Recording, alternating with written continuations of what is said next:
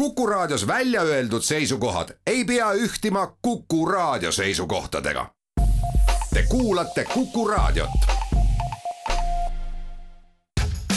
ja nüüd kohe algab Juku Raadio. Juku-Kalle Raidi köögilaua taha ongi juba kogunenud kõikvõimalikud spetsialistid ja muidu toredad inimesed. tore, et sina ka tulla said. häid mõtteid toob Juku Raadiosse Postimehe kirjastus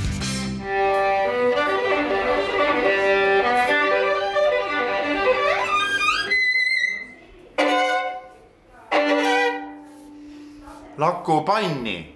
tere, hea Jukuraadio kuulaja. ilusat neljapäeva kõikidele. ja kell on kuus ja saatenumber, ehk meie köögilaua, Jukuraadio köögilaua number on märkamatult tiksunud nii kaugele, et on nelisada neljateist, nelisada neliteist ja neljasaja neljateistkümnes saade me ju teame väga hästi, mis juhtus siin vahepeal, köögilaud kolis Kuku klubist igale poole mujale, kaasa arvatud viimane oli siis Gruusias. kes tahab järgi kuulata, millised on siis Gruusia-Ukraina suhted ja, ja muudki sellelaadset, siis seal olid köögilauas meie suursaadik äh, Riina Kaljurand ja siis äh, oli ka ennast noh, kliimapagulaseks nimetav Vahur Lokk, kes on kuus aastat äh, Gruusias elanud ja tegeleb seal tõlketööga. no Gruusia on sihukene maa, kus hästi paljud ilmselt pea, peaaegu kõik eestlased on vist käinud ja just nimelt sellepärast, et kliima on ju vägev ja soe ja võrreldes meie tänase või praeguse kevadega on seal ikkagi suur lai suvi käes. aga mõned saated varem, kes mäletab ja juhtus kuulama oli siinsamas äh, Juku-raadio köögilauas selline tegelane nagu Hain Rebas kes on siis äh, ajaloolane ja oli ka Mart Laari esimeses valitsuses kaitseminister. ta ise elab Rootsis ning kirjutas hästi ägeda raamatu, mida ma tõesti soovitan kõigil lugeda. see on siis kuusteist etüüdi Läänemerest, aga see on siis põhineb äh, eelkõige ajaloolistel kaartidel ja ajalool, ütleme siis alates sellest, kuidas siis kunagi Liivi ja Eestimaale pääseti, millised olid mereteed ja kõik muu sellelaadne, nii et iga geograafia ajaloohuviline võiks selle raamatu endale haarata. aga saatuse teed on teatavasti imet-, imelikud, nii et meil on siin üks järjekordne eestlane, kes elab Rootsist. ja ma olen väga seda meelt, et selleks, et äh, tulla köögilauda, ei pea tingimata olema äh, kuskil suursaadik, vaid piisab ka sellest, kui ollakse lendur ja hambaarst näiteks. Kuku klubist ma leidsin sellise inimese nagu Hanno Sester, tere Hanno. suur tänu ja väga rõõmustav, et saab vestelda natuke. ja, ja see on huvitav sellepärast, et sa oled kaheksakümmend ja just nimelt, et see on kuidagi võib-olla selle Haine Rebase saatele väike vaimne jätk. hakkame siit Eestist peale ja siis kandume Rootsi, no see on hästi tüüpiline tavaliselt, kui sinuvanused inimesed Rootsis elavad, siis selge pilt, et nende vanemad on sõja eest Nõukogude Liidu rünnakute eest põgenenud Rootsi ja noh, see on siis see nelikümmend neli, nii juhtus ka sinuga nelikümmend neli sügisel vanemad põgenesid lahtise paadiga ja sugulastega ja Rootsi poole. kakskümmend neli tundi võttis reis üle. Läks õnnelikult, sest seal on ju igasuguseid lugusid juhtunud. seal oli nii, et torm tuli ja Saaremaal pidid tagasi minema ja siis jälle uuesti hakkasid peale. sina olid kolm? mina olin kolm, sain just kolm, kui Rootsi saabusin. kas mäletad sellest paadist midagi? ei, ainult, et vesi, mis anti mulle juua, minu meelest maitses õli. see on faktiliselt mul peas sees kuidagimoodi, õlimaik oli veel juures aga ma arvan, et see võib tingitud olla, et mootor üle kuumenes ja seal oli neid gaasisi jälle, õligaasisi oli seal Presseningu all, kus me küüritasime emaga ja siis võib-olla tuli see maik suhu samaaegselt, kui ma juua sain kuidas teie ennast Rootsis sisse sättisite, et Hain rääkis, kuidas neil läks, nagu me kõik teame. oli eestlastel ikkagi äärmiselt raske alguses, et noh, et ütleme, kui me nüüd kuulame neid tegelasi, kes siin enamasti Soomes tööl käivad. ja noh, on ikkagi küllaltki normaalse palga peale saanud, siis peale sõda oli esiteks umbusk suur ja teiseks oli üleüldine vaesus, ega siis Rootsi ka nüüd teab, mis teab ja mis rikas ei olnud. see oli umbusk ja välismaalastel ja kui kõik, keegi arvab, et siin Eestis, et oli niisama tulla sinna ja oli vastu, kõik võeti kenasti vastu. Jah, korrektselt võeti vastu ameti pool, ametnikude poolt, aga umbusku oli kõvasti. oli kirikuõpetajad, mis kirjutasid raamatus sisse, et Venemaa kodanik lihtsalt eestlase kohta. Ja see oli palju inimestel vastu karva ka näiteks. Kohe saadeti vanemad inimesed, kes olid täiskasvanud tööle, metsatööle, lihtsalt isegi need, kes olid akadeemikud, metsatööle, midagi muud ei olnud, mingit nihukest hellitamist nagu tänapäev on, ei eksisteerinud. Eks aeg oli teistsugune ka ja praegu tegelikult need, need lood tulevadki meelde, noh, see on ka üks põhjus, et miks me sellest Rootsi põgenemisest praegu räägime sest noh, tõepoolest see oli sõda, millest meie inimesed ära jooksid ja me noh, antud hetkel on Euroopas jälle samasugune, samasugune situatsioon, siia tulevad ukrainlased. ja mitte muga-, mugavuse pärast, vaid lihtsalt nad tulevad samamoodi venelasest ära. häda sunnib inimesi lihtsalt põgenema, eks.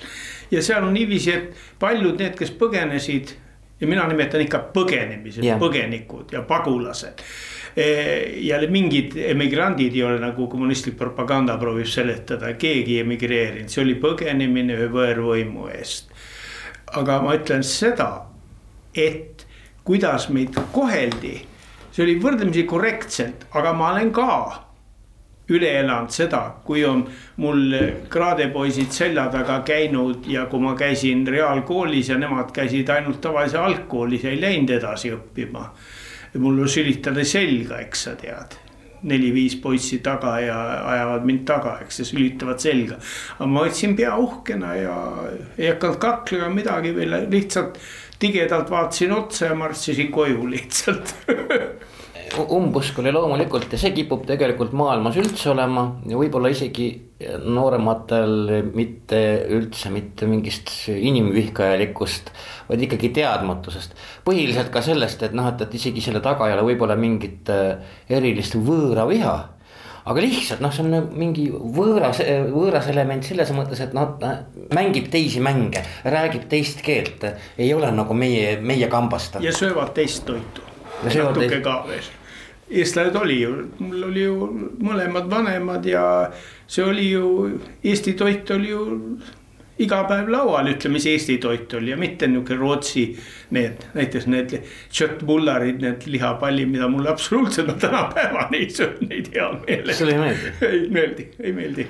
aga ma söön ema need tehtud eh, kotletid hakklihast, sibulasega see, see on Eesti toit soustiga ja kartul. no ja see muidugi see kuigi kui me tuletame meelde Astrid Lindgreni äh, lasteraamatuid, minu meelest oli see Hulkur Rasmuses äh,. kuidas ikkagi silku ja kartulit, vaata seal äh, Paradiisi Oskar, Hulkur Oskar sõi, mis kõlab ka kui Eesti toit ikkagi täitsa. ja, aga see, see oligi tol ajal maal ei olnud ju, sul ei olnud külmkapis ega niiviisi oli ju soolatud liha, nii nagu Eestis ega Rootsi ei olnud kuidagi kaugemale jõudnud, Eesti oli võrdlemisi kaugele jõudnud oma arengus, kui me räägime nüüd kolmekümne, neljakümnendat aastat, eks. Eestil läks kiiresti ja see on sama, mis on nüüd juhtunud ma tean ju, sest ma tulin ju siia üheksakümnenda alguses esimest korda, esimene laulupidu üheksakümmend oli, kui ma sain oma jalad uuesti, ütleme oma kodumaa mulda panna. ja seda ma pean ütlema, et see oli üks üleelamus, see üheksakümmend, see laulupidu see laulupidu oli muidugi väga äge, aga vabandage nüüd väljenduse eest, Eesti oli sellel vaene ja sitane maa. no oli. siis oli. ja siis oli. siis oli ma tean isegi, kuidas ma niisama tegin nalja, et, saan sugulastega kokku, et šampust, kas saab nüüd vähe šampust ja, ja, ja. Šampanskaja, Igritskaja, Sovetskaja. see oli eh, Odessast. jah, ahah, Odessa šampust. Odessa šampust ja sõidutati autoga mind, ma ei tea, mitmed kilomeetrid lõuna poole Kullamaad, seal oli väike kauplus. leti alt oli tal. Väike maakauplus, see, see oli fantastiline omaette ja, ja aga ma ei tea, no mis reservidest andis või müüs mulle, aga ikkagi no oli olemas aga jah. kui vaatasin lihaletti. noh, see oli no,, seal ei olnud ju midagi. see oli nii armetu, see oli nii, et nutumaikmas ma mõtlesin, et kuidas inimesed saavad süüa teha. see oli ju kondid umbes mm. ilma lihata. võimatu, see, see ei tule, me koertele andsime nihukest toitu Rootsis, nojah, jah ausalt ja aga korraks veel köögist, äkki me tuleme köögist ära ka, köök on alati huvitav teema, ütle mulle. Kuna sa esimesena proovisid sihukest rootslaste, ütleme, ma ei tea, kas nimetada toiduks või keemiarelvaks surströmming see on siis see mädandanud, ma lihtsalt nendele, kes ei peaks Fermenteeritud. ja fermenteeritud kala. Silgud umbes. jah, jah, ja, ja räimed silgud, aga noh, nad, nad, nad on ära mädanenud gaasi täis, nad on metallpurgis. Ja. ja minu meelest on, on korrusmajades selle avamine keelatud. ei, see tehtakse mõned mõned, eriti need, kes on kolinud Stockholmi lähedusse ja tulevad Põhja-Rootsist. Need söövad peamiselt neid. Lõuna-Rootsis ei eksisteeri see eriti, vaid see on Põhja-Rootsis, põhjapool Gävlet, ütleme seal on Sürströmmingu söömine. Süürstroomingid on lihtsalt säilimise pärast, eks ole ju niimoodi see on ka et üks konserveerimise meetod jälle, nii nagu me teeme hapukapsast või hapukurki, et säilida jälle kurki üle talve. Nii, aga see on jah. Kuna sa seda siis esimest korda sõid, sest et kui mina sõin, siis ma mäletan, ma, ma mäletan täpselt, et see oli sihuke kogemus, et ma ma, ma ei tea, ma jooksin vist ümber kvartali, et, et, et no, no ta oli ikka nii, noh, nii teistmoodi ja jube vastik tundus. me proovisime iga nõksuga, mul oli hea sõber, me olime väljas oma tüdrukutega paadiga Stockholmi saarestikus. see oli see, mis Rootsil teevad suure jaanipäev, sa tead, midsommari, see oli tähtis. alati väljas saarestikus, Stockholmi saarestus, viimased saared ja seal looduses ja siis telgiga ja seal ööbisime, sest Rootsis oli ju vaba kõik, sa võisid ju liikuda saaretist välja arvatud mõned saared, mis olid kaitseväe omad, need olid sildid üleval, et ei tohi ligineda ja nii edasi, eks, aga see on mingi probleem. et kui sa läksid sinna, siis keegi ei teinud midagi palju, ainult kui keegi nägi, siis ajas sind ära. Aga midagi niisugust muud ei juhtu. no seal vist on nagu soomlastel ka, et kõik, kõik noored oskasid paadiga sõita ikkagi seal sest et saari on ju seal nii palju lihtsalt, saarestikul on vinge. tohutult tuhandeid ja fantastilis ilus ja siis ei ole need laiud nagu siin on madalad liiva need eh, kaldad. vaid seal on ju kalju, otse kalju üles, ütleme mitukümne meetri kõrgusel tihtipeale. kes tuleb, pole midagi parata, tuleb veel ühte Astrid Lindgreni raamatut meile tuletada. mis siis ilmselt kirjeldab või noh, kirjeldabki vähemalt minu jaoks seda Rootsi saarestiku kõige romantilisem ja kaunimal moel, see on muidugi väike Jorven, Pootsman ja äh, Mooses. ja just seda jah, ja just see, oli suur seeria ju Jaa. yeah. Stockholmis jälle käis televisioonis või Rootsis ütleme terve, aga Stockholmi saarestikus filmitud ühel saarel. ja, ja, ja seal on, seal on neid tehtud aegade jooksul, aastakümnete jooksul on sellest Jorveni saagast tehtud palju, aga see raamat tundus minule nõukaajal ikkagi.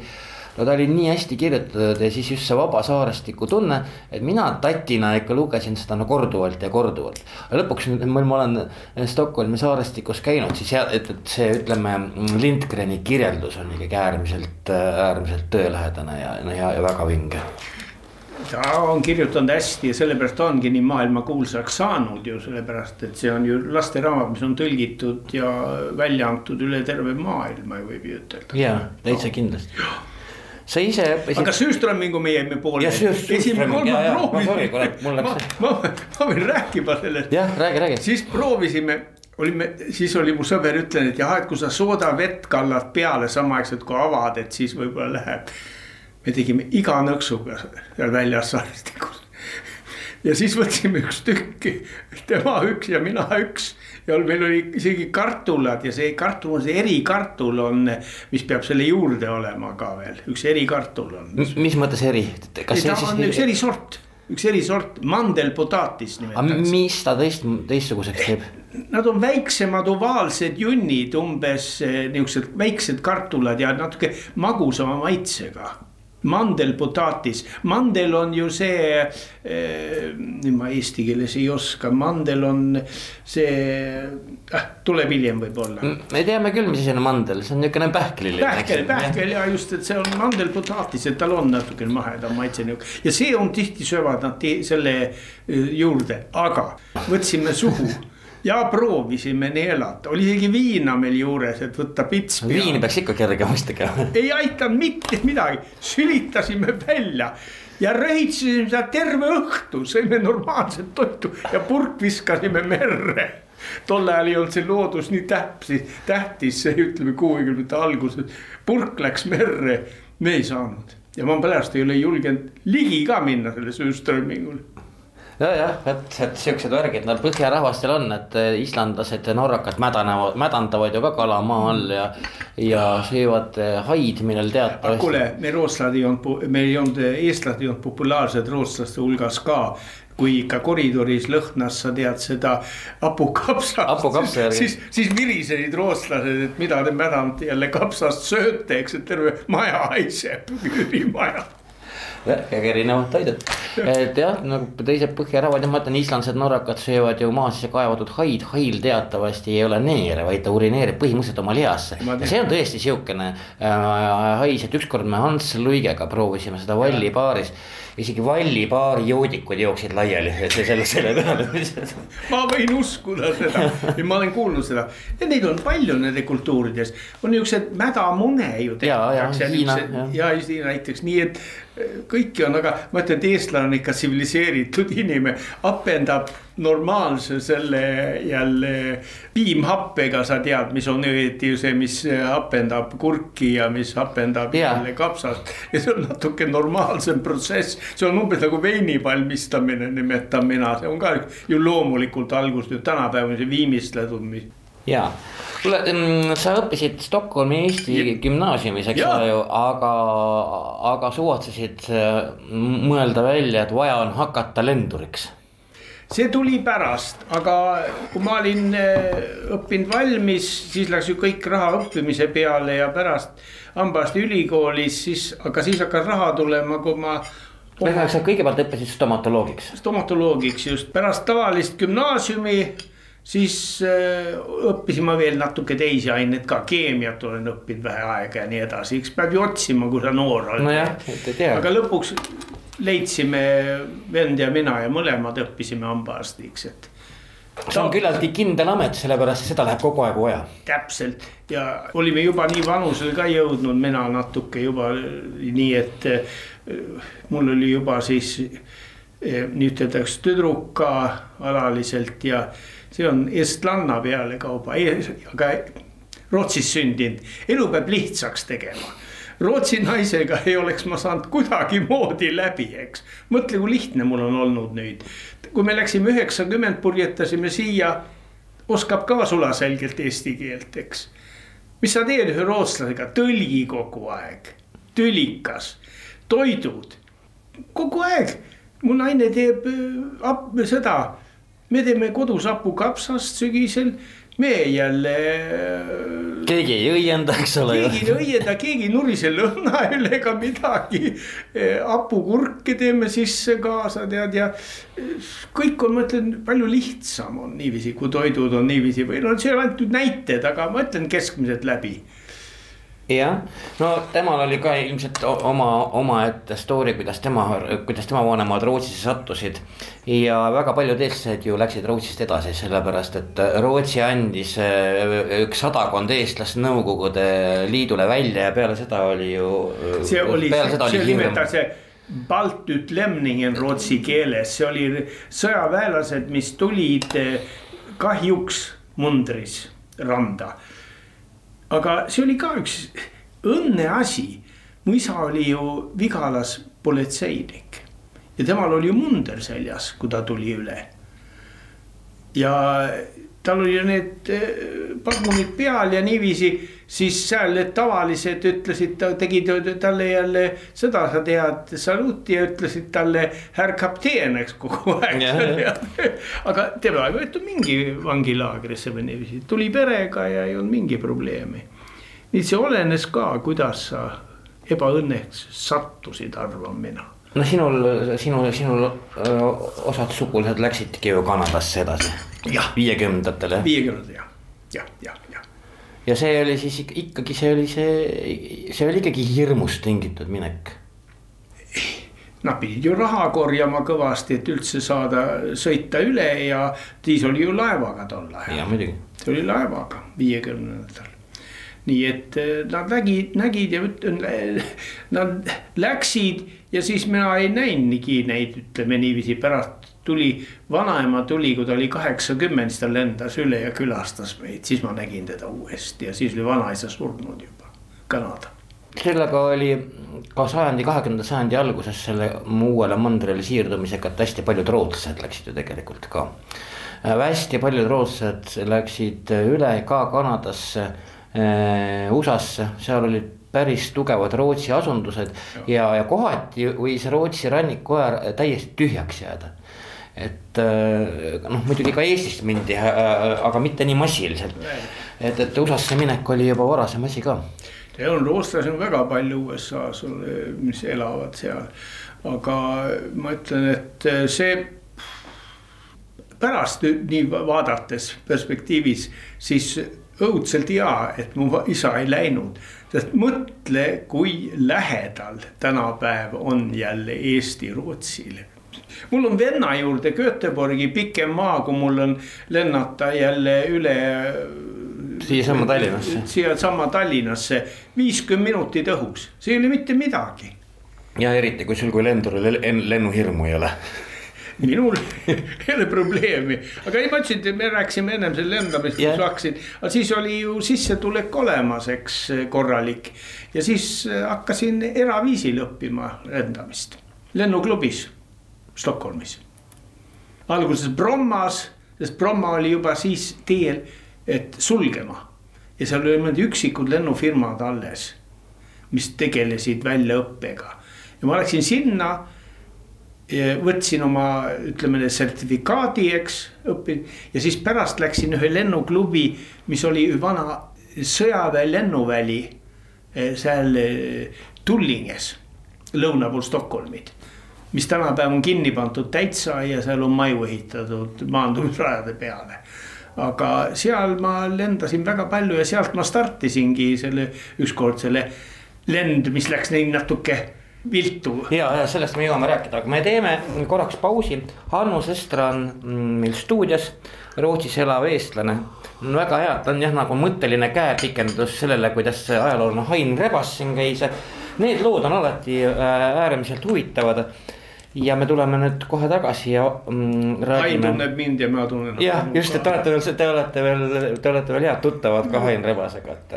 nii et Hanno Sestra, räägime siis Rootsist, Eestist ja nendest seostest, mida tegelikult tekitas teine maailmasõda nende eh, kahe riigi ja inimeste vahel. me oleme hetke pärast tagasi. Te olete Kuku raadio lainel ja kuulate Jukuraadiot. häid mõtteid toob Jukuraadiosse Postimehe kirjastus hea kuulaja, jätkame neljapäeva õhtut. Juku raadio köögilaud, neljasaja neljateistkümnes saade. kes esimest plokki kuulas, teab, et meil on köögilauas Kuku klubis. On selline inimene nagu Hannus Estra küllaltki haruldase elukutse esindaja, see tähendab siis, et stomatoloog, piloot stomatoloog, jah, stomatoloog, piloot, niimoodi. ja kes jah, esimest plokki jälgis, teab, et neljakümne neljandal aastal siis sinu vanemad põgenesid lahtise paadiga Rootsis, olid kolmene. Ja lõppkokkuvõttes osa perekonnast veel siis viiekümnendatel Kanadasse, no me jõudsime esimeses plokis rääkida ka palju kul-, kulinaariast ja sellest kuulsast kohutavast suurströmmingust. see on see, see mädanenud kala, millega mida võib ja on nalja poole, naljaga seda ikkagi ka keemiarelva alla liigitatud. Väga sarnane keemiarelvale just, aga äh, me jõudsime selleni, et sa, sa kirjeldasid jah, et kuidas sa õppisid Rootsis stomatoloogiks, no see on tõepoolest elukutse, millega on alati midagi teha ja siis hakkasid ise äh, lennuklubis hakkasid lendamist. Äh, hakkasid lendamist õppima. Ja sa tahtsid ju sõjalenduriks saada või sõjaväe, Rootsi sõjaväelenduriks saada? alguses jah, kui ma olin. aga räägi see lugu ära. gümnaasiumi lõpus. ei, see oli taotluse sisse anda ainult ja tunnistused ja siis tuli proovidele läksid lihtsalt kõik need äh, tervislikud proovid ja, ja arstid, arstide juures loomulikult terve kehane ja siis kõik see tehniline. Eh, istud ühe nagu noh, eksamitööl ja täidad, saad ülesandeid, kus on seal eri, ütleme näidised, seierid ja niiviisi mm. -hmm. ja nii kiiresti kui võimalikult loe ära, mis nendel on, mille peal nad seisavad ja siis kirjuta maha need, eks sa tead. no see et kui kiiresti sa tajud seda. kui kiiresti sa suudad reageerida. reageerida ühe lennukis, et kui sul on midagi, et see on kiirusmõõt ja see on kõrgusemõõt ja nii nõks-nõks-nõks kogu aeg seda. ja siis pead niiviisi ja see oli eri skaalades ja kõik oli niukse nõksudega tehtud, eks, et mm -hmm. tajud. ja siis oli ka niuke proov, nagu mul on meeles ja sellepärast ma võrdlemisi osav olin. mul on meeles, e, ühes plates oli soon sees, mis käis sinka-sonka. nii nagu uss umbes, ussikujuline yeah. ja seal keset oli üks metallpulk ja siis sa pidid kahe selle jälle rattaga pöörama seda ja juhtima selle läbi selle ilma, et vastu seint minna mm, -hmm. seintese. kui läksid vastu seina, siis ta noteeris seda, no elektrikontakt tuli arvatavasti yeah.. ja see, see ma tegin võrdlemisi kiiresti ja mul läks võrdlemisi hästi see sujuvalt läbi, nii ma ütlen, mul mul läks võrdlemisi hästi, ma usun selle, sest mul võeti alg-, võeti välja isegi, mul oli ülekuulamine ohvitseridest ja kõik olin ja küsisid, et. mis sporti ma teen ja kõiki niisuguseid asju, eks ma ei ole eriti sportlane, ma olen väga palju ujunud, kui ma noor olin. õudselt palju ujunud, nii et ujuda mul üks kilomeeter ei olnud mitte midagi, aga mm. -hmm normaaltemperatuuris. jah, meil on muidugi mitte praeguses mais kuskil Läänemeres aga mm, mis, sa ei saanud sõjaväelenduriks ja ei. sellel oli, sellel olid mingid hoopis teised põhjused, mitte eksam, eks ole, et jälle ma tuletan meelde peale sõjaaeg, peale sõjaaeg. teatud ju, kes see kuuekümnendal sõda oli lõppenud viisteist aastat tagasi.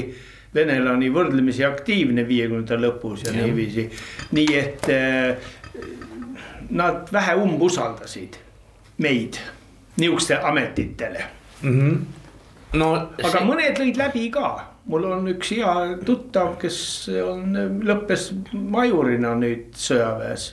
aga ta oli minust natuke vanem ka, aga tema lõi läbi, aga ta oli ka nihuke hulljulge, ta oli langevarju selle väeosas ja hüppas ja no umbusaldati ikkagi tõenäoliselt sellepärast, et lõppkokkuvõttes äh, jah, et, et kui lojaalne see Eestist ja toona ikkagi Vene kontrolli all olevast Eestist tulnud tegelane on, ega ta lennukiga putku ei pane. sest paraku sattus ka siukseid, siukseid inetuid lugusid sisse, et, et ähm, läände põgenenud äh, inimesed, ka eestlased sealjuures, pole midagi parata, ka eestlased siis spioneerisid Nõukogude Liidu kasuks, nii et tuli, tuli ettevaatlikult. Neid, neid, neid, neid oli olemas.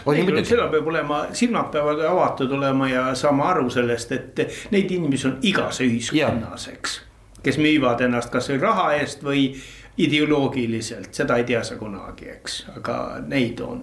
ja ütleme nii, ümberpöördud oli ju ka mõni lennuk, mis eriti need, mis väetasid ja niuksed noh mm -hmm., kes põgenesid ka üle Läänemere tead ja maandusid Gotlandil, eks, seda on ka teises suunas. ja on juhtunud ja, et, et, et nii-öelda siis Eesti NSV-st ehk Nõukogude Liidust on ja. väike, väikelennukitega, väetiselennukitega põgenenud küll. põgenenud küll jah. muidugi ei saa unustada ka seda, et ka lääne ühiskonnas oli lihtsalt äh, omi inimesi, kes olid väga-väga naiivsed kõike, mis puudutas kuvandit Nõukogude Liidust no uskusid ja, ja me teame veel kahekümnendad, kolmekümnendad läänest võisid inimesed ja tulid ka, tulid täitsa massi, massidega läksid Nõukogude Liitu, et üles ehitada siis selline sotsialistlik. no maapealne paradiis, eks ole. sotsialistlik, kus on kõik ühi, ühisväärtused ja kõik on sama väärt inimesed ja niiviisi. üks idealism, mis oli uskumatu, nad sattusid väga viletsaste olukordadesse, ma olen kuulnud. eriti oli palju neid, mis tuli Põhja-Rootsist, rootslasi läksid üle ja arvasid, nad ehitavad üles ideaalkommunism riigi, kommunism riigi aga nad olid. aga noh, enamasti juhtus nii, et neilt korjati dokumendid ära ja lõpuks nad ikkagi haihtusid kuhugi Siberi avarustesse ära. väga-väga vähesed said, pääsesid tagasi. E, siin, siin selles suhtes võiksin soovitada ka vahemärkusena ühte raamatut mis on äh, kirjutanud sellise, selline tegelane nagu Edward Õun. ja selle raamatu nimi on Võib-olla täna öösel, see on ka Rootsis välja antud. ja see on siis nüüd tõepoolest, kuidas see, see on nüüd väga traagiline lugu tõesti, noh, ta on, ta on isegi nii lollakas, et, et kui ta ei oleks traagiline, oleks ta lausa naljakas et inimene, Eesti noormees, kes kahekümnendatel kolib Ameerikasse ehitajaks teeb seal oma firma, tal on väga edukas on, siis tuleb see börsikrahh, eks ole ju nii. Siis ähm, on USA-s tõstavad pead sellised vinged kommunistlikud meeleolud ja just soomlaste ja rootslaste seas. siis nad otsustavad, panevad oma kodinad kokku, ostavad laenu eest uued tööriistad, sõidavad Nõukogude Liitu paradiisi üles ehitama, no nii. siis Nõukogude Liidus korjatakse neil kohe ära passid, saadetakse nad kuhugi kurat teab kuhu pärapõrgusse ja lõppkokkuvõttes äh, Eduard Õun oli vist kaks inimest, kes sealt kogu sellest suurest kambast siis tagasi nagu vabasse maale pääsesid, üks neist oli Eduard Õun, kellel oli nii palju aju peas, et ta oma Eesti passi äh, venelastele ära ei andnud ja lõppkokkuvõttes siis äh, paari aasta noh, mingi tiheda tööga, diplomaatilise suhtlusega ja nii edasi, nii edasi õnnestus tal siis Eestisse tulla uuesti tagasi. ja siis muidugi, kui tuli sõda, siis venelased küüditasid ta uuesti ära, justkui tänutäheks selle eest, et ta tuli kommunismi ehitama, et on ikka lollakas. ja lõpuks nad põgenesid äh, kaluripaadiga mm, siit Eesti rannikult põgenesid äh, Rootsi, nii et noh täiesti vapustav, kuidas üks, üks, üks mõte või idee töötavast kommunismist ja kommunismist võib ära rikkuda, noh lihtsalt pekki keerata kogu ühe inimese elu ma ei teagi, kui palju nad muutnud on, kui me hakkame poliitikast nii rääkima, me võime üldiselt rääkida ja see on see, et Rootsi kommunistlik partei oli õudselt Moskva usklik kaua-kaua aega mm. -hmm, mm -hmm. las ta heliseb ja jälle äh, aga see peab ju nii ütlema, et aastatega ma olen märganud et nende retoorika on muutunud ikka ja kogu aeg märkab, et midagi on. eriti said nad suure šoki, kui oli see ju jälle eh, jälle Venemaa. üheksakümne esimese aasta riigipöördekatse. riigipöördekatse ja siis, siis nad hakkasid mõned, ma arvan, ikka korral märkab, et nende retoorika muutunud pärast seda, eks oli, et. et ja, et siis oli ikka, et Gorbatšov oli, rääkis ju ka glasnostist ja nii edasi ja sa tead, see hakkas mõjuma, et kõige parem ei ole, et majanduslik süsteem ei funktsi hästi seal. Ei, otse loomulikult ja, ja, ja lõppkokkuvõttes, lõppkokkuvõttes siis, kui see noh, see Gorbatšov tuli, siis oli ikkagi tegelikult hakkas see Nõukogude Liidu absoluutne vaesus näha olema ja see, see tegelikult jahutas eh, maailmas päris palju kommuniste ka korralikult maha.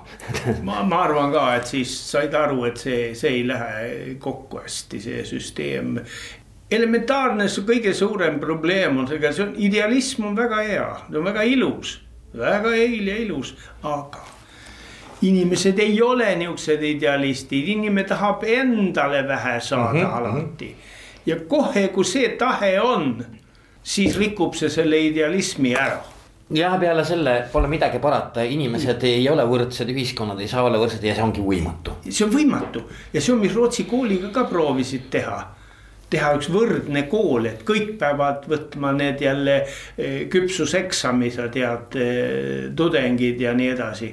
ja nüüd nad tulevad, siis nad käivad niukse kutsekoolis ja siis võtavad ka oma need valged mütsid pähe, eks sa tead. No.. aga ma leian, et see ei ole, vabandust, et ma ütlen seda, aga mina leian, et see õige akadeemik hästi ei ole jah, nii, aga me jäime lennunduse juurde. ja, lähme tagasi. sest et ja, sest et sa said ikkagi siis oma piloodipaberid kätte, hea küll, sõjaväelenduriks ei saanud, aga sa hakkasid oma lõbuks nagu. lõbuks ja, ja mitte. sa ostsid lennuki endale või? ei, ei, see on natuke liiga kallis äri.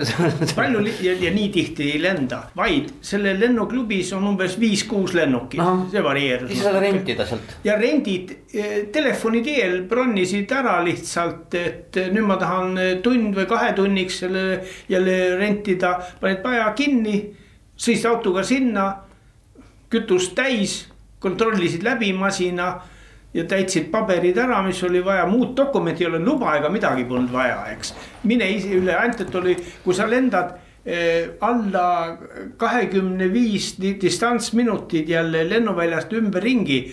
siis pole üldse küsida kellegi käest, lenda kus kurat tahad Rootsis, sa tead, tiiruta ringi ja mine. nii mõned teevad ainult niiviisi, et eh, stardivad, teevad tiiru ümber lennuvälja, maanduvad, stardivad, maanduvad, harjutada, eks. harjutada, harjutada, sest sa pead kogu aeg harjutama, see, seda märkame, märkab ju isegi professionaalse pilootidel, eks, et mõned maanduvad väga kõvasti kõvasti raksaki ja, ja mõnel väga pehmelt ja see varieerub, eks see on tohutult, olukord on iga kord erinev, sest et tuul on nii jõudsalt, sa ei usu sellel suurel lennukil ka mm. -hmm. ta mõjutab ta tohutult, sest ta liigub ju selle õhuruumis, eks.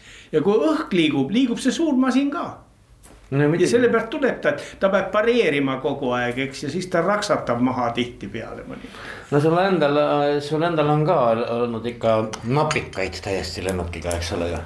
noh, et head ellu jäid see, mis juhtus siis, ma, ma olen lendanud, ma hakkasin lendama nii, et ma ütlen, et no suurem osa kõik, kes ülikoolis käisid või niiviisi astusid ju korporatsioonidesse Eesti, Eesti korporatsioonides Rootsis mm. -hmm. ja ma olen vana korporant ka veel pealekauba.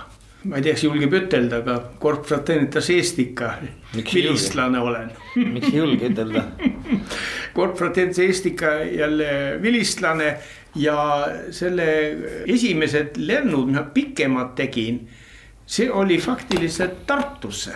lendasin kommerssidele mõnikord ja siis oli keeruline need alg seal üheksakümnenda alguses, sest siis oli Vene sõjavägi sees veel. jah. Ja siis ma ei võinud otse lennata. Stockholmist Tartusse ühesõnaga. jah mm, -hmm. ma ei võinud otse lennata, vaid siis pidin üle Helsingi yeah. maanduma vahepeal ja sealt jälle uuesti e, saatma selle e, flight plan'i sisse lennuplaani, et mida ma kavatsen ja siis see saadeti jälle Tallinnasse ja mm -hmm. siis lendasin üle aga ma ei maandunud kunagi, jah, alguses pidin maanduma isegi Tallinnas ja, ja tollima nagu sisse. aga pärast ma sain Helsingi, Tartu otse ja siis võttis veel üheksakümmend kolm oli juba nii palju liikunud edasi, ma olin mitu korda juba lendanud siis edasi-tagasi e,. siis e, see lend, mis ma üheksakümmend kolm tegin, see oli veebruaris, reedene päev mm. -hmm. ja jälle ma ilm on ilus, näeb välja, tore. Tallinnasse, ma lähen Tallinnasse poolteist tundi ja poolteist tundi tagasi, et kolm tundi saan õhus, sa tead, mõnus. ja lennuk oli vaba, broneerin ära selle ma töötasin ainult siis kella üheteistkümne või nii ja siis olin lennukis umbes seal väljas kella ühe paiku. ja panen selle flight plan'i sisse, annan ja stardin, täidan täis paagid täielikult ääreni, ma olen üksinda, nii mul kaalust ei olnud probleemi, siis panen täis. Ja siis mõtlesin, siis jätkub kütus edasi-tagasi, sest et kui sul täispaagid on sellel lennumasinal, siis see viie tunni lennuks jätkub siis mm, -hmm. eks see on nagu mõned ütlevad, kuidas ta sai nii kaugele Helsingis lennata, see Rust, eks omal ajal yeah.. aga see on ju see, et tal Cessnal ka on üks viis tundi õhus, kui ta on üksinda ja paagid täis, eks mm. -hmm. ja viis tunniga kakssada kilomeetrit tunnis jõuad võrdlemisi kaugele. jah, täitsa rahulikult. ja siis panid paagid täis, nii. paagid täis, startisin pidin maanduma, et need tollipaberid täita, see oli ikka veel siis ennem kui Eesti oli Schengenis kaasas. Yeah Eh, tollipaberit täita, maandusin Brommas, paberid sisse, kohe startisin uuesti ja üle kohe jälle Tallinnasse. Ja sinna teel kõik normaalne, mingi probleem, seal oli niiviisi, et ennem oli mul olnud inimesed eh, jälle külas eh, Tallinna jälle lennuväljalt, kes käisid eh, ütleme õppimas Aarlandas ja vaatas, kuidas asjad käivad, eks mm -hmm. sa tead, väljapool Nõukogude riiki yeah,. Yeah, yeah. ja sa olid mul külas olnud ja, ja siis mina jälle mõtlesin, et okei okay,, ma teatasin, et ma, ma tulen üle kiiresti lupsti, et ma lendan tagasi ja siis sõime koos ainult seal lennurestoranis ja ma panin uue flight plan'i sisse. ja siis need venelased jälle, vabandust, mis oli üheksakümmend kolm, eks. aga ei oska inglise keelt. no muidugi. ja mina proovin eesti keelega, ei oska eesti keelt. mul oli umbes nii hing täis, sa tead, et see oli siis need kontrolltornid, eks ole ju, kus nad istusid. täpselt, see on kontroll, ma pean ju nendega ühendust olema ja. ja võimatu, eks ja ma võin vahemärkusena rääkima, et isegi professionaalidel oli probleemi. sest et tolles oli ennem eh, üheteistkümnes september, eks sa tead mm. -hmm. kui pandi nii, et sa ei saanud enam kokpitis istuda, ma istusin tihtipeale ees siis sa tead yeah,. Yeah. ja siis ma olin ükskord ühe SAS lennukiga lendasin. ja matsid rääkisid mulle loo, sa tead, et ma ei tea, kas me saime luba maanduda Tallinna sellel jälle, jälle oli selle lennule vaba või ei olnud. Aga et me proovisime, et muidu tõmbame peale uuesti, eks, kui on kedagi ees. ütles, et ei saa aru. sa ütled inglise keeles say again ja ta nüüd vastab mingi vene inglise keel, mis on võimatu aru saada, mida ta mõtleb. ja mõtle, professionaalne lennuk, inimesi täis see on ju täielik, mis ütleb, security risk, eks. õudne, õudne lihtsalt sa pead ju sulaselgelt tegema või selgelt rääkima raadioühenduses yeah. ja aru saama teineteisest. no ega sinul olid siis need venelased seal lennutornis, kui sina siis õhku tõusid? Need olid venelased yeah., venelased. ja need ütlesid, et ja mina tahtsin lennukõrgust, kui ma startisin. ma yeah. vaatasin lennukõrgust, et viis tuhat viissada jalga tead, et kõrgused on jalas mm. -hmm. venelastel oli meetrites mm. -hmm. ja siis nemad vastavad meetris, mina ütlen jalga, eks mm. -hmm. see jälle üks segadus. poole tee peal hakkan vaatama, kurrask. ühe tiivapaagi mõõtja hakkab väga huvitaval kombel kiiresti allapoole minema. aga mõtlen, äh, mul on kolmveerand teises alles, küll see läheb. kurrask, teine jõuab number põhjani, siis panen elektripumba käima sest et sa elektripump, sa paned mehaanilise pumbale abiks, kui sa mm. eh, vahetad eh, kütusepaaki. vahetasin kütuspaaki teise tiivapaagile, korras kolmveerand paaki korras. kurat, hakkab vähenema, hakkab vähenema silmnähtavalt. ja siis on ma juba natuke üle poole tee. tagasi ka ei saa pöörata no ei saa ainult sõita edasi ja lõpuks ma hakkan nii kriitiliseks minema, et ka Rootsi ranni, rand, ma näen ma näen seda, eh, ma näen need nakka eh, raadiomastid ilusti yeah. vilguvad kaugel ma näen seda, isegi seda Stockholmi, kui te teate, mis Globen on see ümmargune eh, see spordi. ja see, hoone sihukene jah. ja see hoone, et seda, see on valge alati üles valgustatud.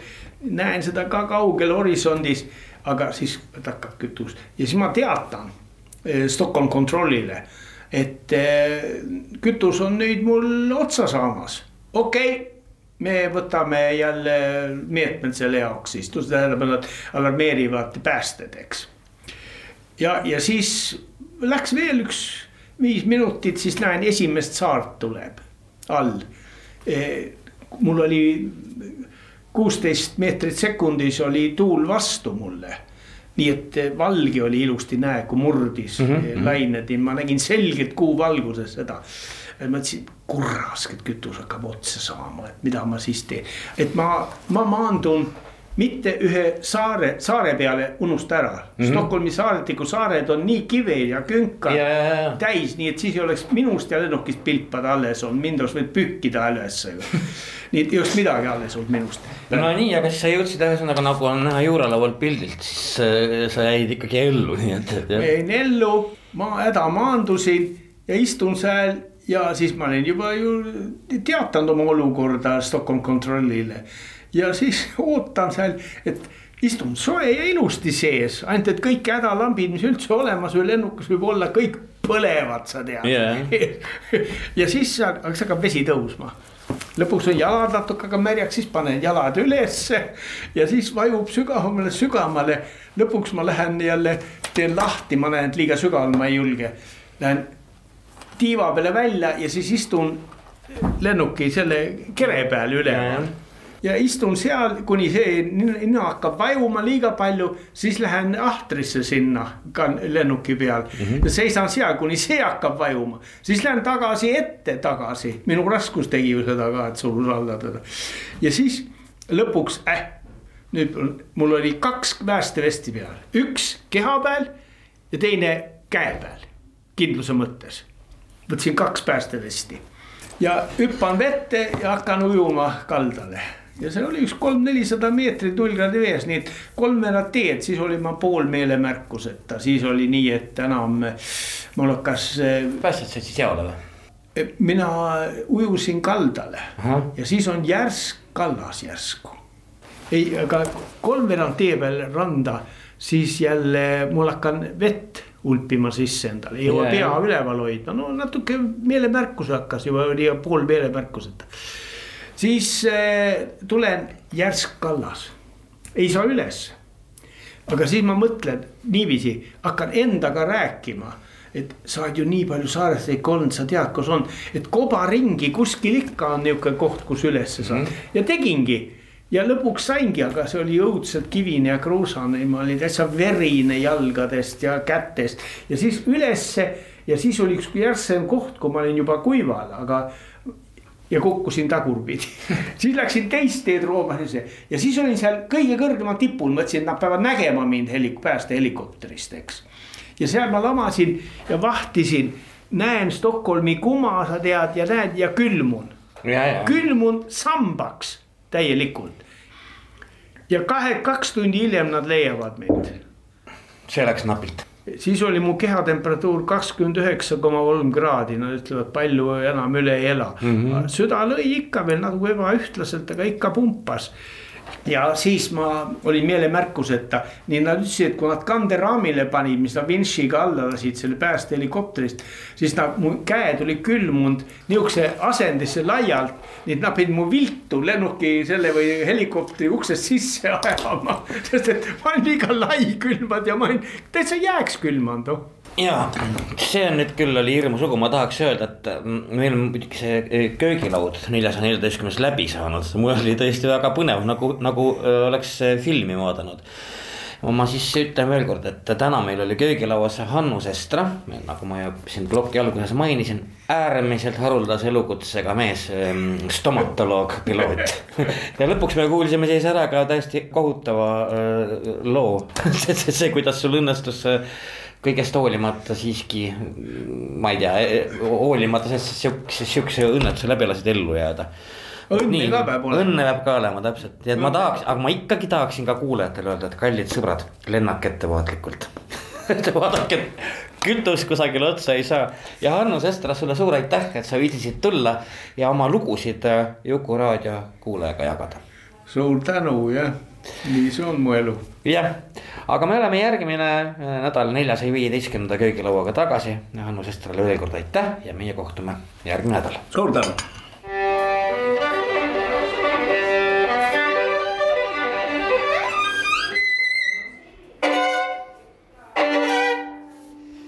Laku panni. häid mõtteid toob Jukuraadiosse Postimehe kirjastus